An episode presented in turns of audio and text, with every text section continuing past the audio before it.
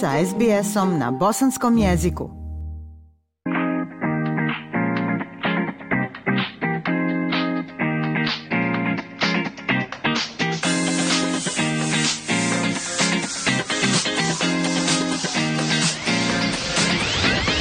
Slušate SBS program na bosanskom.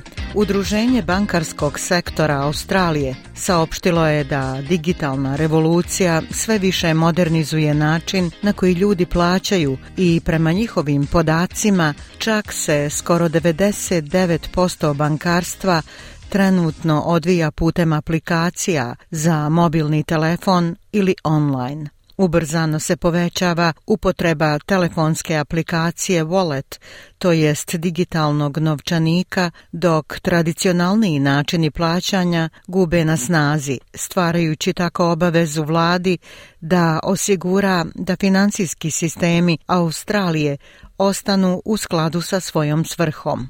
No cash, gotovina je nestala, a u upotrebu su ušli digitalni novčanici.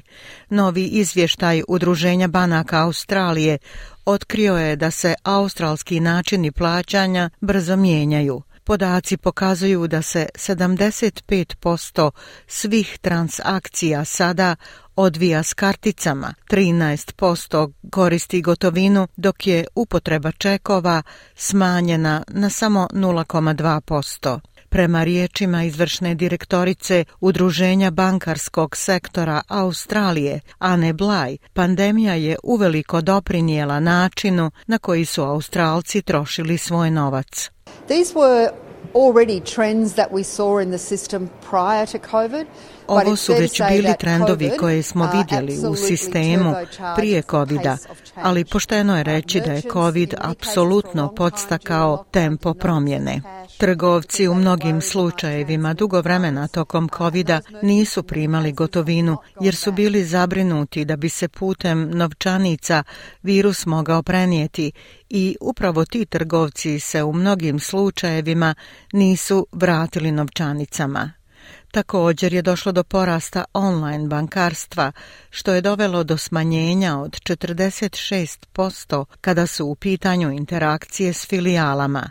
Upotreba takozvanih digitalnih novčanika na mobilnim telefonima također je u porastu, više od 15,3 miliona bankovnih kartica registrovano je na digitalnim novčanicima prošle godine u odnosu na nešto više od 2 miliona u 2018. To je značilo da je ukupna vrijednost transakcija putem digitalnih novčanika na mobilnim telefonima porasla na 93 milijarde dolara u 2022. To je porast sa 746 miliona samo četiri godine ranije.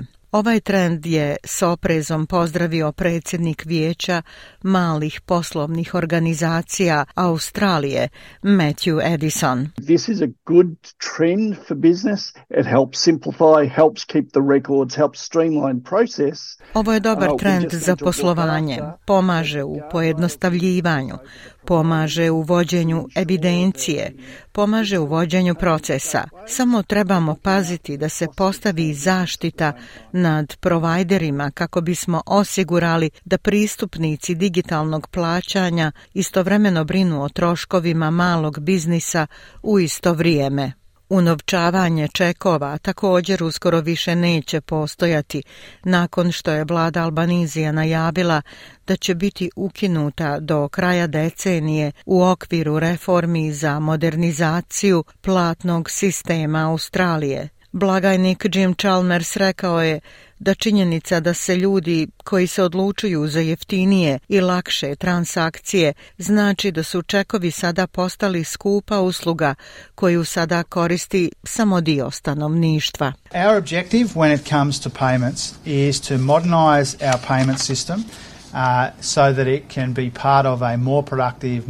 naš cilj kada je u pitanju plaćanje jeste da modernizujemo naš platni sistem kako bi on mogao biti dio produktivnije, inovativnije, konkurentnije privrede.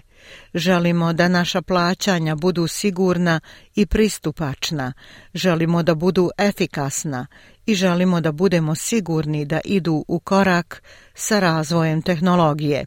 Međutim, kako svijet online bankarstva otvara sve veće mogućnosti za klijente, tako se javlja i povećani rizik. To je prema riječima vanrednog profesora poslovne škole Univerziteta u Sidneju Daniela Gozmana. There's much more opportunity for threats and threats to individual privacy, data theft and so on.